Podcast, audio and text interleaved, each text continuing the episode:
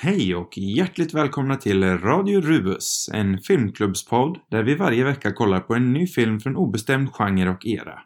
Med mig idag har jag den adekvat krispiga Sam Svensson, en utbildad industriell designer som har gedigen koll på allting med design att göra. Jag heter Oskar Söderman och eh, är utbildad i filmvetenskap på Stockholms universitet. Jag driver även bloggen cinemarubus.com. Idag, första podden till ära, sänder vi på plats, eh, något som med största sannolikhet kommer att förbli en raritet då vi två bor en bit ifrån varandra och därför kommer vi nog sända via Skype.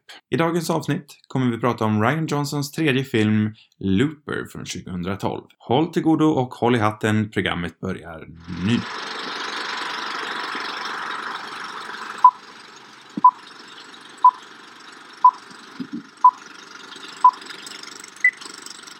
Sam Svensson. Ja, tjena. God dag. Eh, idag ska vi prata om eh, Ryan Johnsons eh, genomslagsfilm skulle man kunna säga. Mm, säga. Eh, Brick var väl kanske den första filmen han blev igenkänd för, för filmfantasterna. Men eh, Looper var väl kanske den som... Stora genombrott måste man Ja, säga. det kan man väl säga. Eh, det är väl delvis den som gjorde att han fått det jobbet han har idag. Vilket man kan se lite intressanta drag i det i filmen tycker jag. Som vi kan komma in på senare. Eh, men vi börjar med dina allmänna åsikter Sam. Vad tyckte du om Ryan Johnsons Looper från 2012? Ja.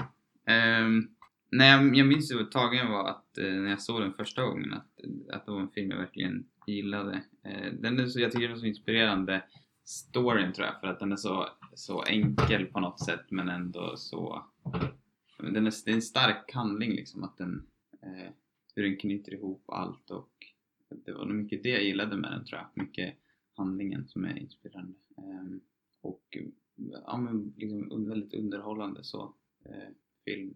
Ehm, och eh, ja, Vi såg ju den här på bio första gången med, vi fick förhandsvisning. Så vi såg Just den det. ju gratis. mm, ja, Eh, jag var ganska oförberedd på vad, vad den handlade om. Jag visste, mm, jag de breda- i breda slängar, liksom, men- men det är en väldigt slående film så. mm, Den har ju en distinkt stil som, ja, men som skiljer sig ganska mycket. mm, Eh, jag slogs varje gång över hur, eh, hur taktil den känns. mm, Eh, den känns ju riktig på ett vis som, som de flesta andra sci-fi-filmerna inte gör. mm, den, alltså vanligtvis eh, sci-fi-filmer tar i ganska mycket, alltså stilmässigt och eh, på sätt och vis kan jag tycka den är lite feg också. Alltså den är ganska nära våran verklighet på många sätt. Mm. Jag Men- tror ju dock att det är budgetproblem. Ja, det känns mer kanske nära eventuell eh, verklighet eller framtida verklighet.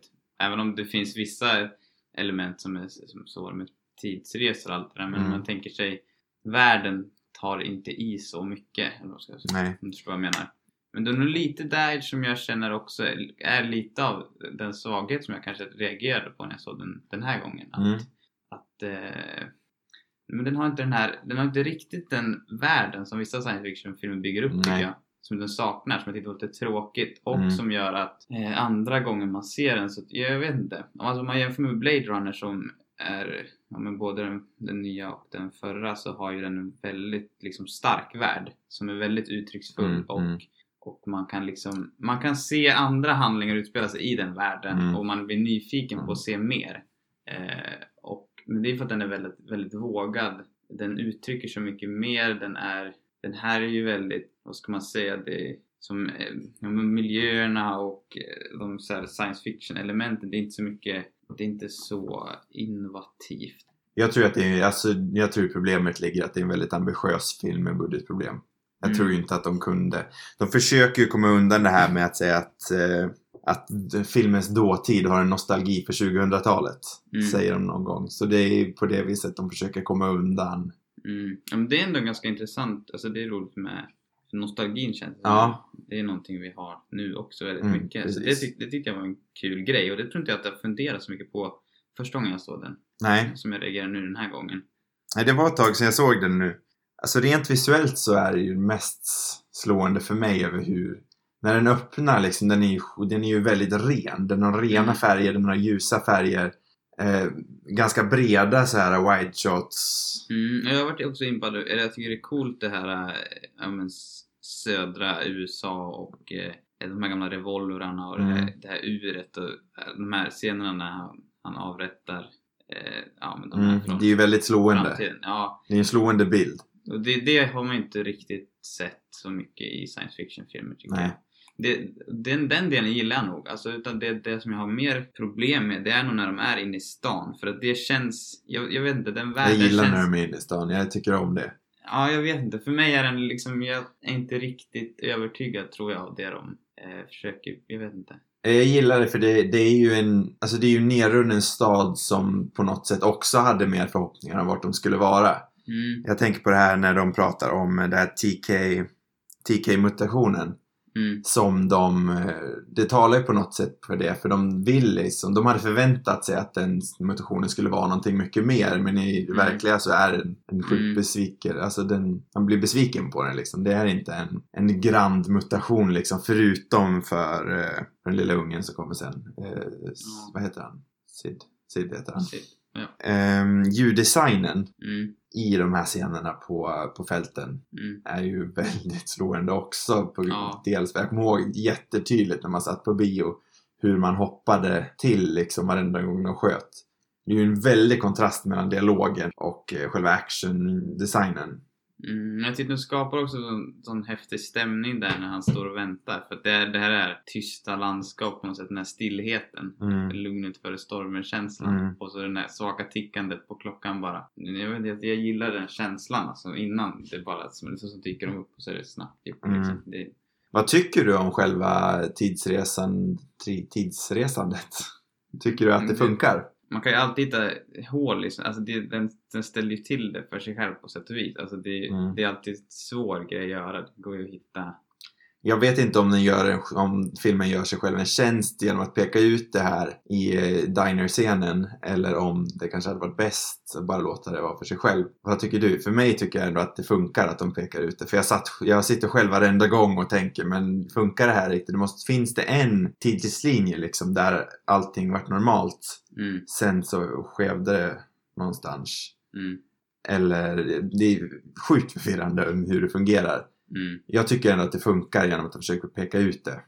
Ja, ja, jag tycker också det funkar i fun- det funkar i filmen liksom. Och jag, jag, jag, nej, jag har inte något. De är ändå medvetna om kanske de problemen de skapar alltså, Mm. på något sätt. Men det är det som, för jag känner mig fortfarande, det som är det starkaste som är nog handlingen. För jag tycker den är Mm. så, så klock... Alltså det är så enkelt men det är ändå så kraftfullt på något sätt. Och att den, den är, det är det jag tycker jag tar med mig. Det är det jag tror jag man kommer ta med sig. För liksom rent visuellt och världen eh, och hela den biten tycker nog inte jag är riktigt så slående. Alltså det, jag tror inte att tror inte det är det jag kommer minnas den för. Eh, den, är inte den är inte så liksom, visuellt uttrycksfull. Nej. Jag tycker den är lite tam där liksom, tror jag. Eh, Det var det jag kände nu i alla fall. Och, och ä- även när jag tänker tillbaka på den vad jag liksom verkligen vart inspirerad av så var det ju handlingen jag vart inspirerad av. Det är den jag tycker är häftig och egentligen inte det visuella tror jag. Utan det- att det är bara en sån, jag tycker det är en häftig story. Mm. På tal om storyn så, och eh, tidsresandet så min favoritkaraktär i den här filmen är nästan eh, Jeff Daniels Abe. Mhm. Jag tycker han är jättefascinerande. Mm. Eh, för han pratar om det här eh, om en man från framtiden springer lös så har han en tendens att bli lite smått galen, säger han tror jag. Mm. Jag är jättefascinerad över hur eh, att det inte har påverkat honom verkar det som. Ja, för han är ju en man från framtiden. Mm, han är ju en man från framtiden och han har varit där väldigt länge. Mm. Sen fin- har du hört det att det finns ju en teori om att eh, Kid Blue är han? Jaha, nej det har jag missat. Det är, det är ju intressant. Ja, det är jätteintressant. Jag kollar efter det ganska noga den här gången. Jag vet inte riktigt om jag köper det, men det är jätteintressant. För att vi ser aldrig Jeff Daniels gå, tror jag. Kid Blue Mm. haltar ju. Ja, Vi får aldrig se Jeff, eh, Jeff Daniels Abe gå. Dock så, han skadar sin hand. Mm. Och det finns en scen då vi ser både Abes och eh, Kid Blues hand. Mm. Höger hand där dessutom. Jag kollar på den där scenen några gånger. Och Abe ser inte ut att ha någon skada på sin hand. Eh, Så jag vet inte riktigt om den håller ihop. Men det är väldigt fascinerande eftersom att Kid Blue ser ju upp till Abe på ett nästan eh, som att han vore en eh, dömande far. Ja, det skiljer ju sig lite med Joes, den yngre och den äldre. Där Mm, det snarare är mm. att han ser ner på sin äldre version. Om det nu är så. Eller från är, båda håll egentligen ser de ner på varandra kan Mm. vi säga. det gör de. Vilket är intressant tycker jag. Eh, Jag vet inte varför som den yngre ser så mycket ner på den äldre versionen. Vad det är som gör det. För man kan ju förstå den äldre eftersom han liksom ser den här, det här missbruket och Ja. hans kanske omogna attityd till livet och vad det är som vad det egentligen är som driver den yngre Joe i hans liv liksom. Jag menar för att den äldre har, han lever för något annat där i slutet Mm. liksom. Än vad han gjorde tidigare. Mm. Så den, den biten kan man förstå. Jag tycker att du svarar lite på din egen fråga där. Jag tycker ändå att eh, Ja men unga Joe, han har ju ingenting att leva för liksom och det är det som är hans grej. Han tycker Mm. det är löjligt att ha det. Han har inte... Ja. Man inser ju det liksom när man hittar det man lever för. Ja, jo. Han kanske inser det mer mot slutet. Ja. Sen liksom. Någonting eh, eh, som är väldigt coolt också när man pratar om framtida själv och dåtidssjälvet är ju Paul Danos karaktär. Jag hade helt glömt bort att Paul Dano var med. Ja, jag också. Jag älskar Paul Dano och det som händer med hans karaktär är ju jättecoolt. Ja, Det är den coolaste scenen i filmen tycker jag. ja jo, den Jag hade minns jag också mer starkt sånt. verkligen. Alltså, den, den var så Det- jobbig tyckte jag också första Ja. gången. Alltså den var verkligen, den var kraftfull. Och det kändes så smart också tyckte jag då. Och det är bara en del av den där. Så det hade de lätt kunnat jobbat mer med tror jag. Mm. De introducerar ju en viktig detalj där dock att man kan, när han skriver på sin arm Ja, precis. med ärret och sen ja. så vidareför de det sen vid eh, diner-scenen. Det är jättecoolt. Då är det ju dock lite den här, den här läkaren, det är någon sadist som står där. Mm. Det finns ingen anledning Är att det ta bort Kid Blue som gör det? Vadå? Är det Kid Blue som gör det eller det någon annan? Nej, han är i rummet där. Han är i Det är en rummet. läkare som Ja just det, det är ju den där doktorn. Jag vet inte, får man se doktorn på nära håll? Nej, inte på nära håll, men han säger ju Call the Doctor. Och så tänkte jag, vad Ja. fan är det? Kommer jag inte ihåg alls. Får man bara se honom i bakgrunden. Det är någonting också hade... Jag tycker ändå att det är en fascinerande värld som jag hade velat sett mer ifrån. Jo, men jag, jag, så jag tror det skulle kunna vara det. Det är nog bara att jag hade velat haft lite mer, eh, jag vet inte, men jag hade velat sett eh, mer hints på resten av världen tror jag. Alltså att jag skulle ha sett någonting eh, mer. Jag vet inte vad det är, vad jag vill se för någonting heller. Men det, det är klart, det handlar säkert mycket om budget också för att Mm. man jämför med Blade Runner som vad de har för budget så det är klart de kan skapa en annan värld. Det finns ju ändå filmer med mindre budget som jag tycker kanske skapar en, en, värld mer Mm. effekt, alltså som lyckas ändå. Nu vet jag inte om jag har något exempel på det men. Man kan ju inte glömma att även om eh, Blade Runner gick över budget och eh, det inte var en uppskattad film liksom och att eh, Ridley Scott hade mycket problem med den produktionen så hade ju han ändå haft några hits innan. Mm, Så han hade ju lite att spela med i Hollywood. Det hade ju inte riktigt Ryan Johnson vid det här laget. nej. Eh, det är ju den här filmen som gav han någonting att spela med. Det här Ja. Breaking Bad. Mm, Eh, innan det här så hade han väl bara gjort Brick, tror jag. Kanske några avsnitt av Breaking Bad. Jag vet inte hur den tidslinjen han har funkar. gjort någon till film också. Jo, Brothers Bloom har jag också gjort det. Men det är ju ingen stor hit någon av dem. Nej. Men jag vet inte heller om vad det var som var det med honom som har, eller vad det är som har drivit honom. För mycket, alltså man kan jämföra med Blade Runner, känns som att den är ju väldigt driven på just den här världen den skapar. Det tror jag för mig är den största styrkan Mm. med den filmen. Alltså det är verkligen där den briljerar. Jag vet inte om Ryan Johnson kanske inte, det var kanske inte det han brann för med den här filmen, det tror inte jag. Utan jag tror att det var mycket mer handlingen han, han brann för. Än att försöka skapa en värld också. Han försöker ju skapa en värld, alltså den, den fungerar ju. Nej, men Ryan Johnson är ju en karaktärsskapare. Det är ju det han gör bäst. Ja. Han skriver karaktärer. Det är ju det som är hans Mm. forte. Ja. Eh, det är ju en enorm sympati han lyckas bygga för alla karaktärer. Mm. Jag tänker dels eh, för den äldre Joe, hur han på väldigt lite tid ändå lyckas Ja. vilket filmen tappar lite. Jag saknar sympati för Joe Senior i slutet. Mm. Eh, då blir han lite väl som en Terminator.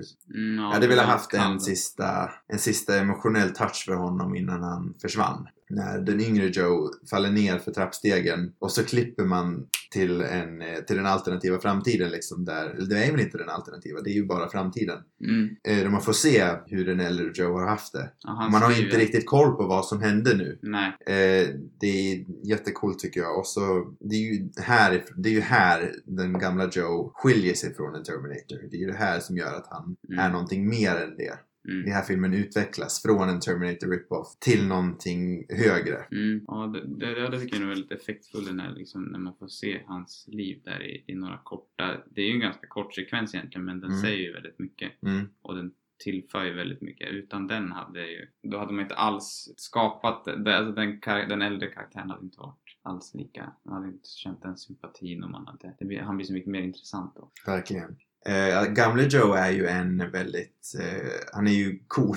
Bruce Mm. Willis är ju cool i Mm. sin natur. Jag tycker även att det är ganska kul att han dyker upp i den här filmen, vilket Mm. många har sagt. Men han, är ju, han kan ju vara sjukt tråkig ibland när han inte bryr sig. Mm, Men i den här filmen så dyker han faktiskt upp. Eh, jag tycker det är jättecoolt i diner-scenen igen. Det är ju en av de bättre scenerna i filmen. mm, Då han har han har ju helt kontroll över situationen. Han Mm. ser ju verkligen sitt yngre själv som ett småglin och han har ju helt koll på att yngre Joe har en pistol mellan benen. Han äger ju hela, Mm. hela samtalet liksom. mm, Han har ju en påtagligt skräckinjagande pondus tycker jag. ja. Vilket jag är förvånad att han faktiskt, jag har aldrig sett Bruce Willis som skräckinjagande för Nej, faktiskt. Det är någonting nytt för honom. Det är möjligt att han har gjort det. Jag har inte sett hela hans uvre.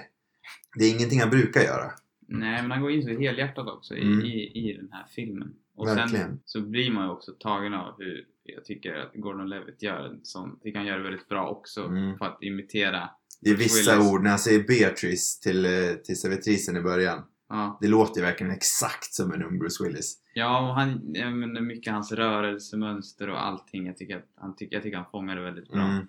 Sen i sminket märkte jag den här gången är ju kanske inte det absolut bästa. Det är ju lite tydligt med, med kindproteserna men det funkar ju absolut. Ja, alltså han ser lite freaky ut på Mm. något sätt. Det är Det någonting. ser inte riktigt naturligt ut. Nej. Jag börjar tänka på det igen. Jag har, jag har tappat Joseph Gordon-Levitt lite. Jag tyckte om honom jättemycket i början på 2010-talet.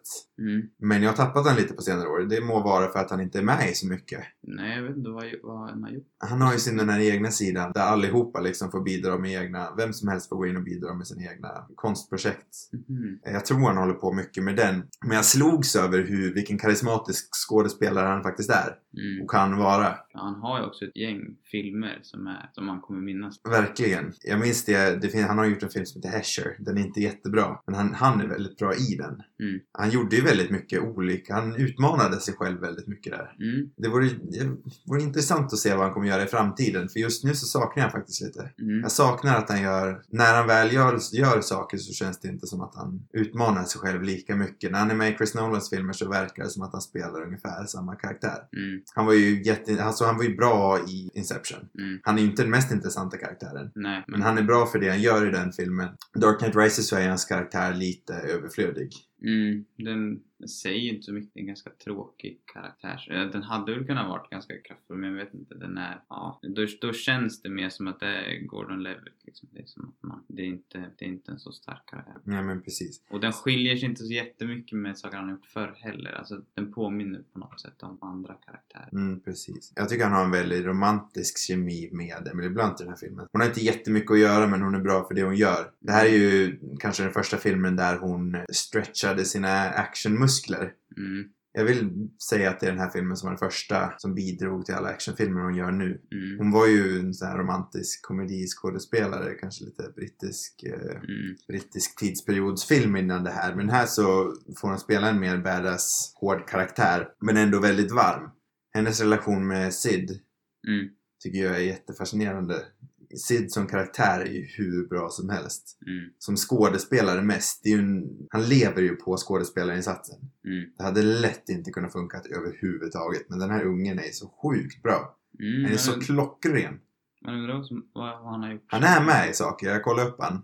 Okej. Eh, han gör ju ingenting som den här. Alltså han, jag tycker den här ungen skulle kunna leda sin egen film. Mm, Så pass bra tycker jag att han är. Han har ju slående utseende. mm. Men han, han är verkligen emotionellt med också Mm. hela tiden. Det är närvarande. Men han är så trovärdig i det. Alltså det är lätt att han inte hade varit det tror jag. Återigen här så tycker jag att Ryan Johnsons sinne för karaktärer spelas in. Han är ju oskyldig men ändå inte. Mm, Han har en slags naivitet som lätt hade kunnat vara jätteirriterande. mm. Men det funkar på alla sätt och vis. Han är ju jäkligt alltså, obehaglig på något sätt Mm. också. För att man känner till vad som händer sen. Han är ju här, oberäknelig. Man vet inte vad som ska hända härnäst. Mm. Och alltså, han är ju rätt skräckinjagande när han står där och skriker bara. Och det Mm. liksom, Väldigt. Hur Ryan Johnson väljer att sakta in allting och använda slow motion till väldigt effektivt mm. sätt. Vissa andra regissörer kanske inte hade lyckats med. Nej, nej men han är också så liksom bra nyanserad karaktär.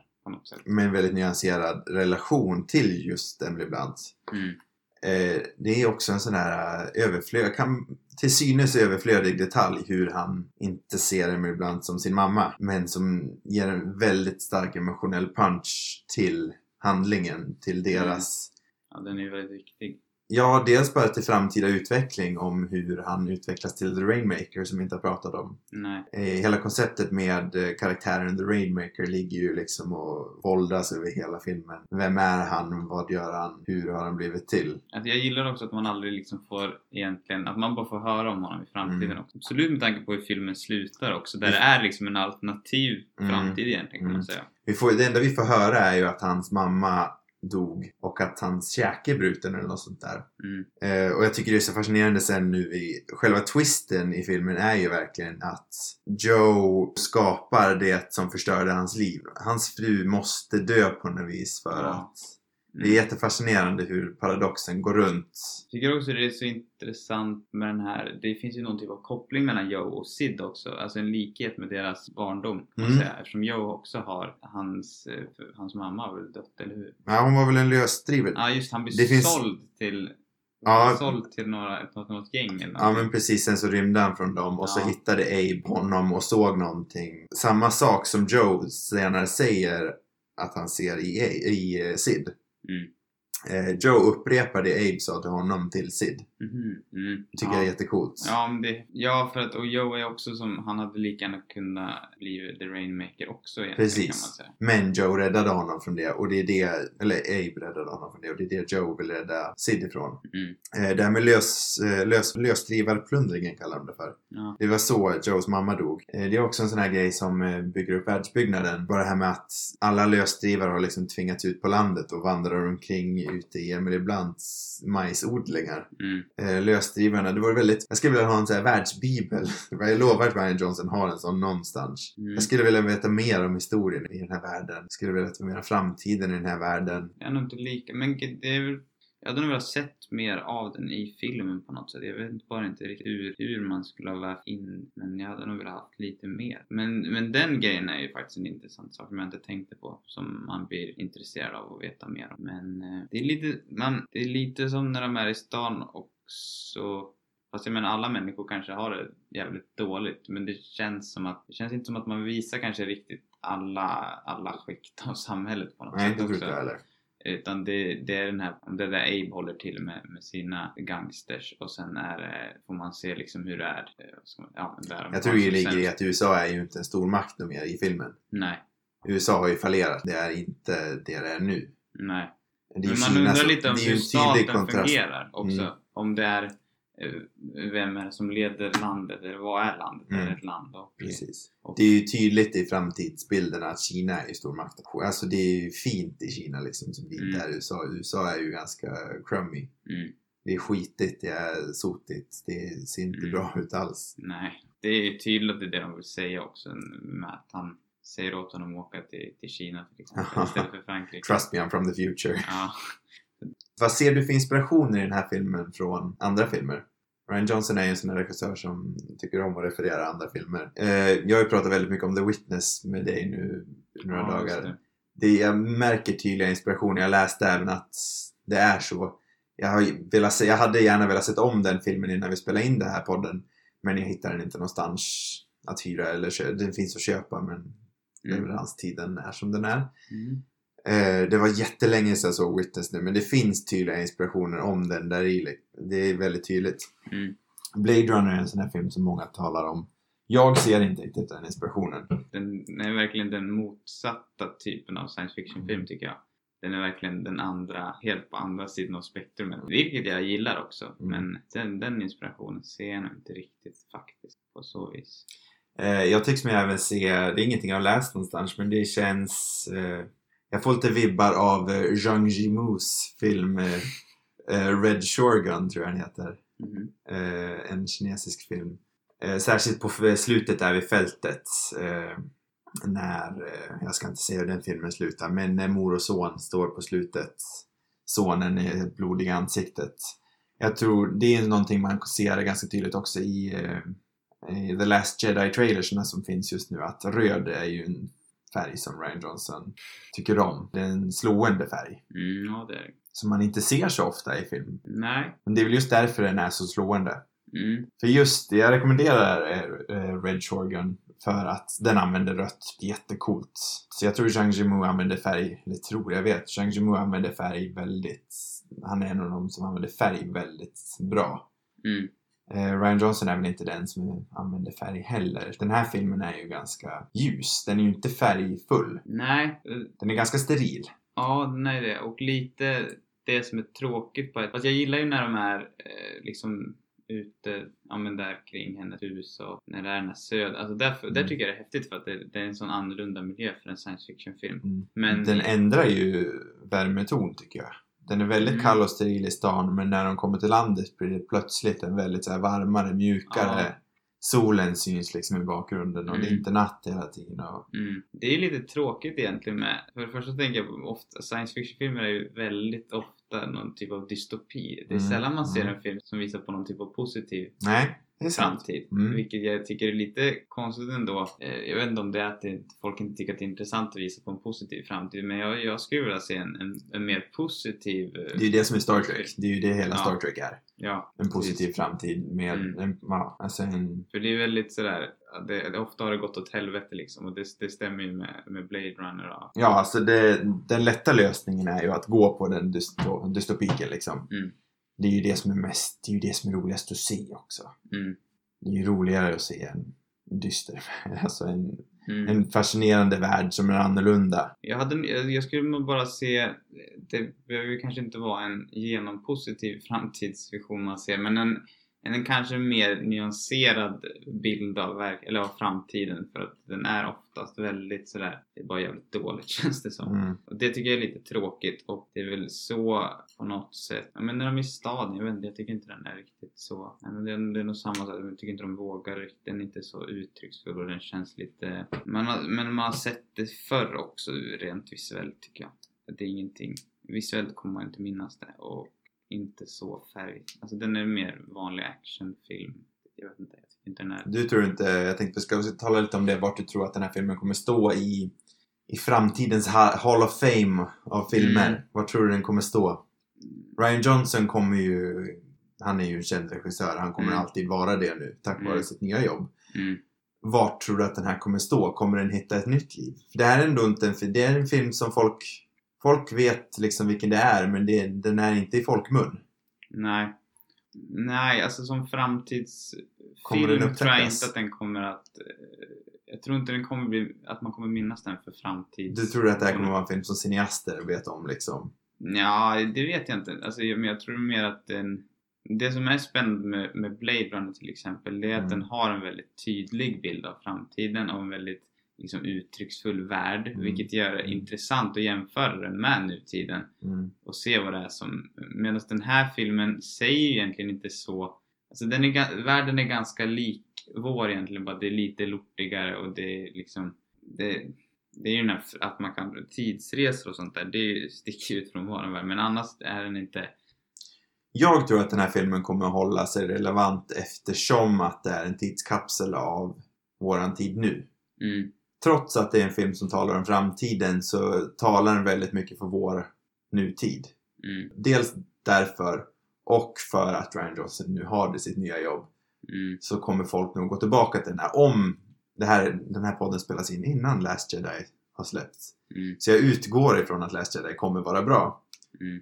Därför så tror jag att den här filmen dessutom kommer hitta ett nytt liv på grund av det. Mm, jo, men det kan jag se att den kommer göra. Men jag tror inte att man, man kommer inte minnas den för framtids... Jag tycker nog inte att det är framtidsvisionen som är det... Det är nog inte det som jag tycker är styrkan med den här filmen. Utan det, det, är nog- det, det är nog inte det man kommer minnas den för, tror jag. Nej, men kommer den minnas i allmänhet? Mm, Det tror jag den kan göra. Jag kan, alltså den filmen funkar, tror den är, den är ganska bra för en ganska stor massa tror jag. Alltså det är, eller jag ser det som den är fortfarande en väldigt underhållande film också på samma gång som att någon som är mer intresserad också kan. Alltså det är många kan lockas, alltså, som en ren action underhållande film så funkar den ju också.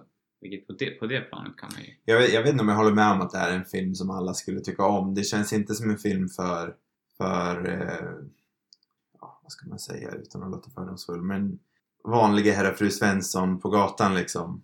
Mm. Det är en film som tar sin tid på ett annat vis. Vi kollade på en trailer till den här filmen innan. Mm. Där det är tydligt hur det här manuset skulle se ut i en mer kommersiell, kommersiell, kommersialiserad version. Mm. Det är en film som tar sin tid. Mm. Jo, men inte så... Den är ändå ganska enkel på något sätt. För Även fast Mm. det finns mer lager till den. Mm. Vilket gör den ju bra. Alltså, men eftersom den är så pass enkel ändå på något sätt i, i grunden så, Mm. så tror jag att den, jag, jag tänker att den passar. Jag vet inte, jag känner ändå att det, man har hört många, alltså jag har hört fler som har, kanske inte är liksom är så intresserade men som gillar den. Ja, För jag tycker mig minnas att den fick lite, jag menar lite så här små hånskratt under biovisningen. Mhm. Jag har tydligt minne av att de klipper ju tillbaka till när Joe först möter Joe. Mm. Om man ser det från andra perspektivet. Det är wide shot från långt håll. Joe, eh, gamla Joe kommer fram. Sen så får man se han springa. Han kastar guldtackan. Får man se han springa fram, slå yngre Joe. Mm. Så tar de det utan att klippa. Mm. Kommer du ihåg den scenen? Ja. Den scenen fick ett skratt i biosalongen. Mm. Det är ju inte meningen att den ska få ett skratt. Ja, men jag vet inte om jag håller med där. Jag, jag tycker den är, det är no, den får någonting komiskt över sig jag tycker jag, i, i det sättet de gör den. Och jag vet inte om det är tänkt att den ska vara brutalt allvarlig heller. Alltså jag menar, det är väl inte en, Nej, nej Det absolut. Det är ju inte komiskt, en misärfilm liksom. nej, Men jag vet inte om det var tanken att den scenen skulle få ett skratt. jag vet inte. Jag tog det det visuella ett- greppet gör att den blir lite skojig på något sätt. Mm. Det eh, skiljer sig också från, från det kanske mer klassiska, hur en actionfilm är filmad också. Mm. Jag och tror... skiljer sig från den första scenen som är, ja men den är mer som en typisk actionfilm, är filmad med mera snabba, korta klippningar medan den här är liksom på något sätt, det är som att de får se en övervakningsfilm nästan på det. Vad som händer, alltså att, Ja. att, att de bara, det är som att få se övervakningskameran på händelsen. Ja. Jag tror det är det som gör, jag, jag ger en, En annan regissör hade ju inte valt att filma det sådär. nej så kan det vara. En annan regissör hade valt att gå närmare. Jag tycker ju att den är väldigt bra. Jag tror inte folk skrattar åt den för att de tycker att det är en dålig scen. Jag tycker att den är väldigt, jag tycker den är väldigt effektfull liksom. Men sen så kan jag ju se Jag att den tog- en komisk touch Jag tog upp sätt det där exemplet bara för att visa att det kanske inte är en film som faller allmänheten i smaken. Jag tror inte Mm. de som satt och skrattade var inne i filmen på samma vis. Ja, jag, vet. Jag vet inte, jag bara slänger ut frågan. Jag tror också om man hade klippt den scenen på samma sätt som den tidigare då hade man ju inte fått Tanken är ju att det ska skilja sig, absolut. Jo, alltså den, han vill väl visa den alternativa, Mm. nu är det från den andra personens perspektiv, eller från den äldre Joes. Inte egentligen från hans perspektiv, men alltså det, han har liksom ska skilja sig liksom. Man får Mm. se det en gång till. Så hade man filmat det på samma sätt igen så hade det förmodligen blivit väldigt otydligt. Eller alltså det hade, man hade inte fattat riktigt vad det var. som- Mm. Nu blir det ju väldigt tydligt att okej, här kommer den alternativa. Här får vi se det från ett annat håll. Hur känner du nu med några års avstånd och ser den igen? Tycker du om den lika mycket? Um, jag tyckte nog mer om den, inte lika mycket faktiskt nu tror jag, men jag tycker fortfarande om den. Jag älskar den här filmen. För mig är det här en klassisk, det här kommer bli en klassisk film. Mm. Ja, Jag tycker också väldigt Det här är om den alltså. det är en kultrulle om något. Mm, Det är en framtida kultrulle. mm, Om 50 år så kommer det här vara en film som sci-fi fantastiskt pratar om att alla borde se.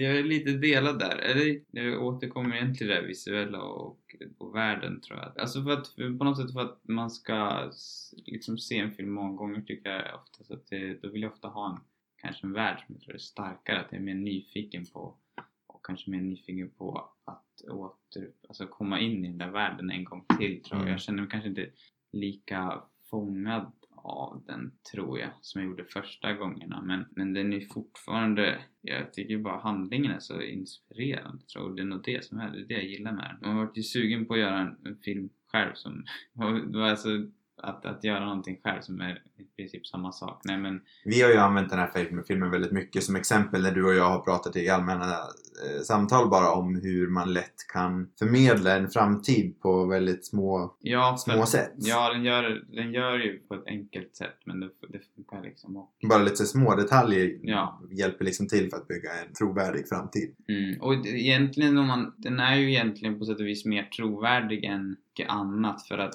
så där dramatiskt som världen oftast har ändrats i vanliga sci- science fiction-filmer så, så dramatiskt ändras inte världen liksom. Nej, precis. Jag menar, kollar man på Blade Runner, så ser inte verkligheten ut liksom. 2019. Nej, utan den är ju så brutalt olik Ja, vår verklighet. Och det är inte så att allt från nutiden kommer att ha försvunnit Nej. vid det här året. Och det är Jag därför gillar, liksom att vi har nutida bilar med någon mojäng på dem. Ja, precis. Jag tänkte också ta det exempel. Ja, men det är på något sätt att det kanske är en mer realistisk bild på något sätt. Mm. Som jag tycker är ganska bra. Men sen vet jag inte vad den här mojängen på bilen är för någonting riktigt.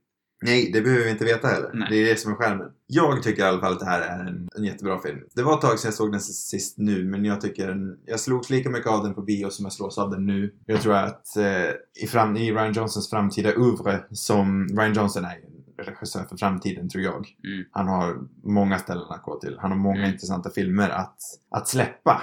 Mm. Utöver Star Wars så Mm. tror jag att han har många intressanta, Jo, men, färska koncept. jo, men eftersom han ändå jobbat...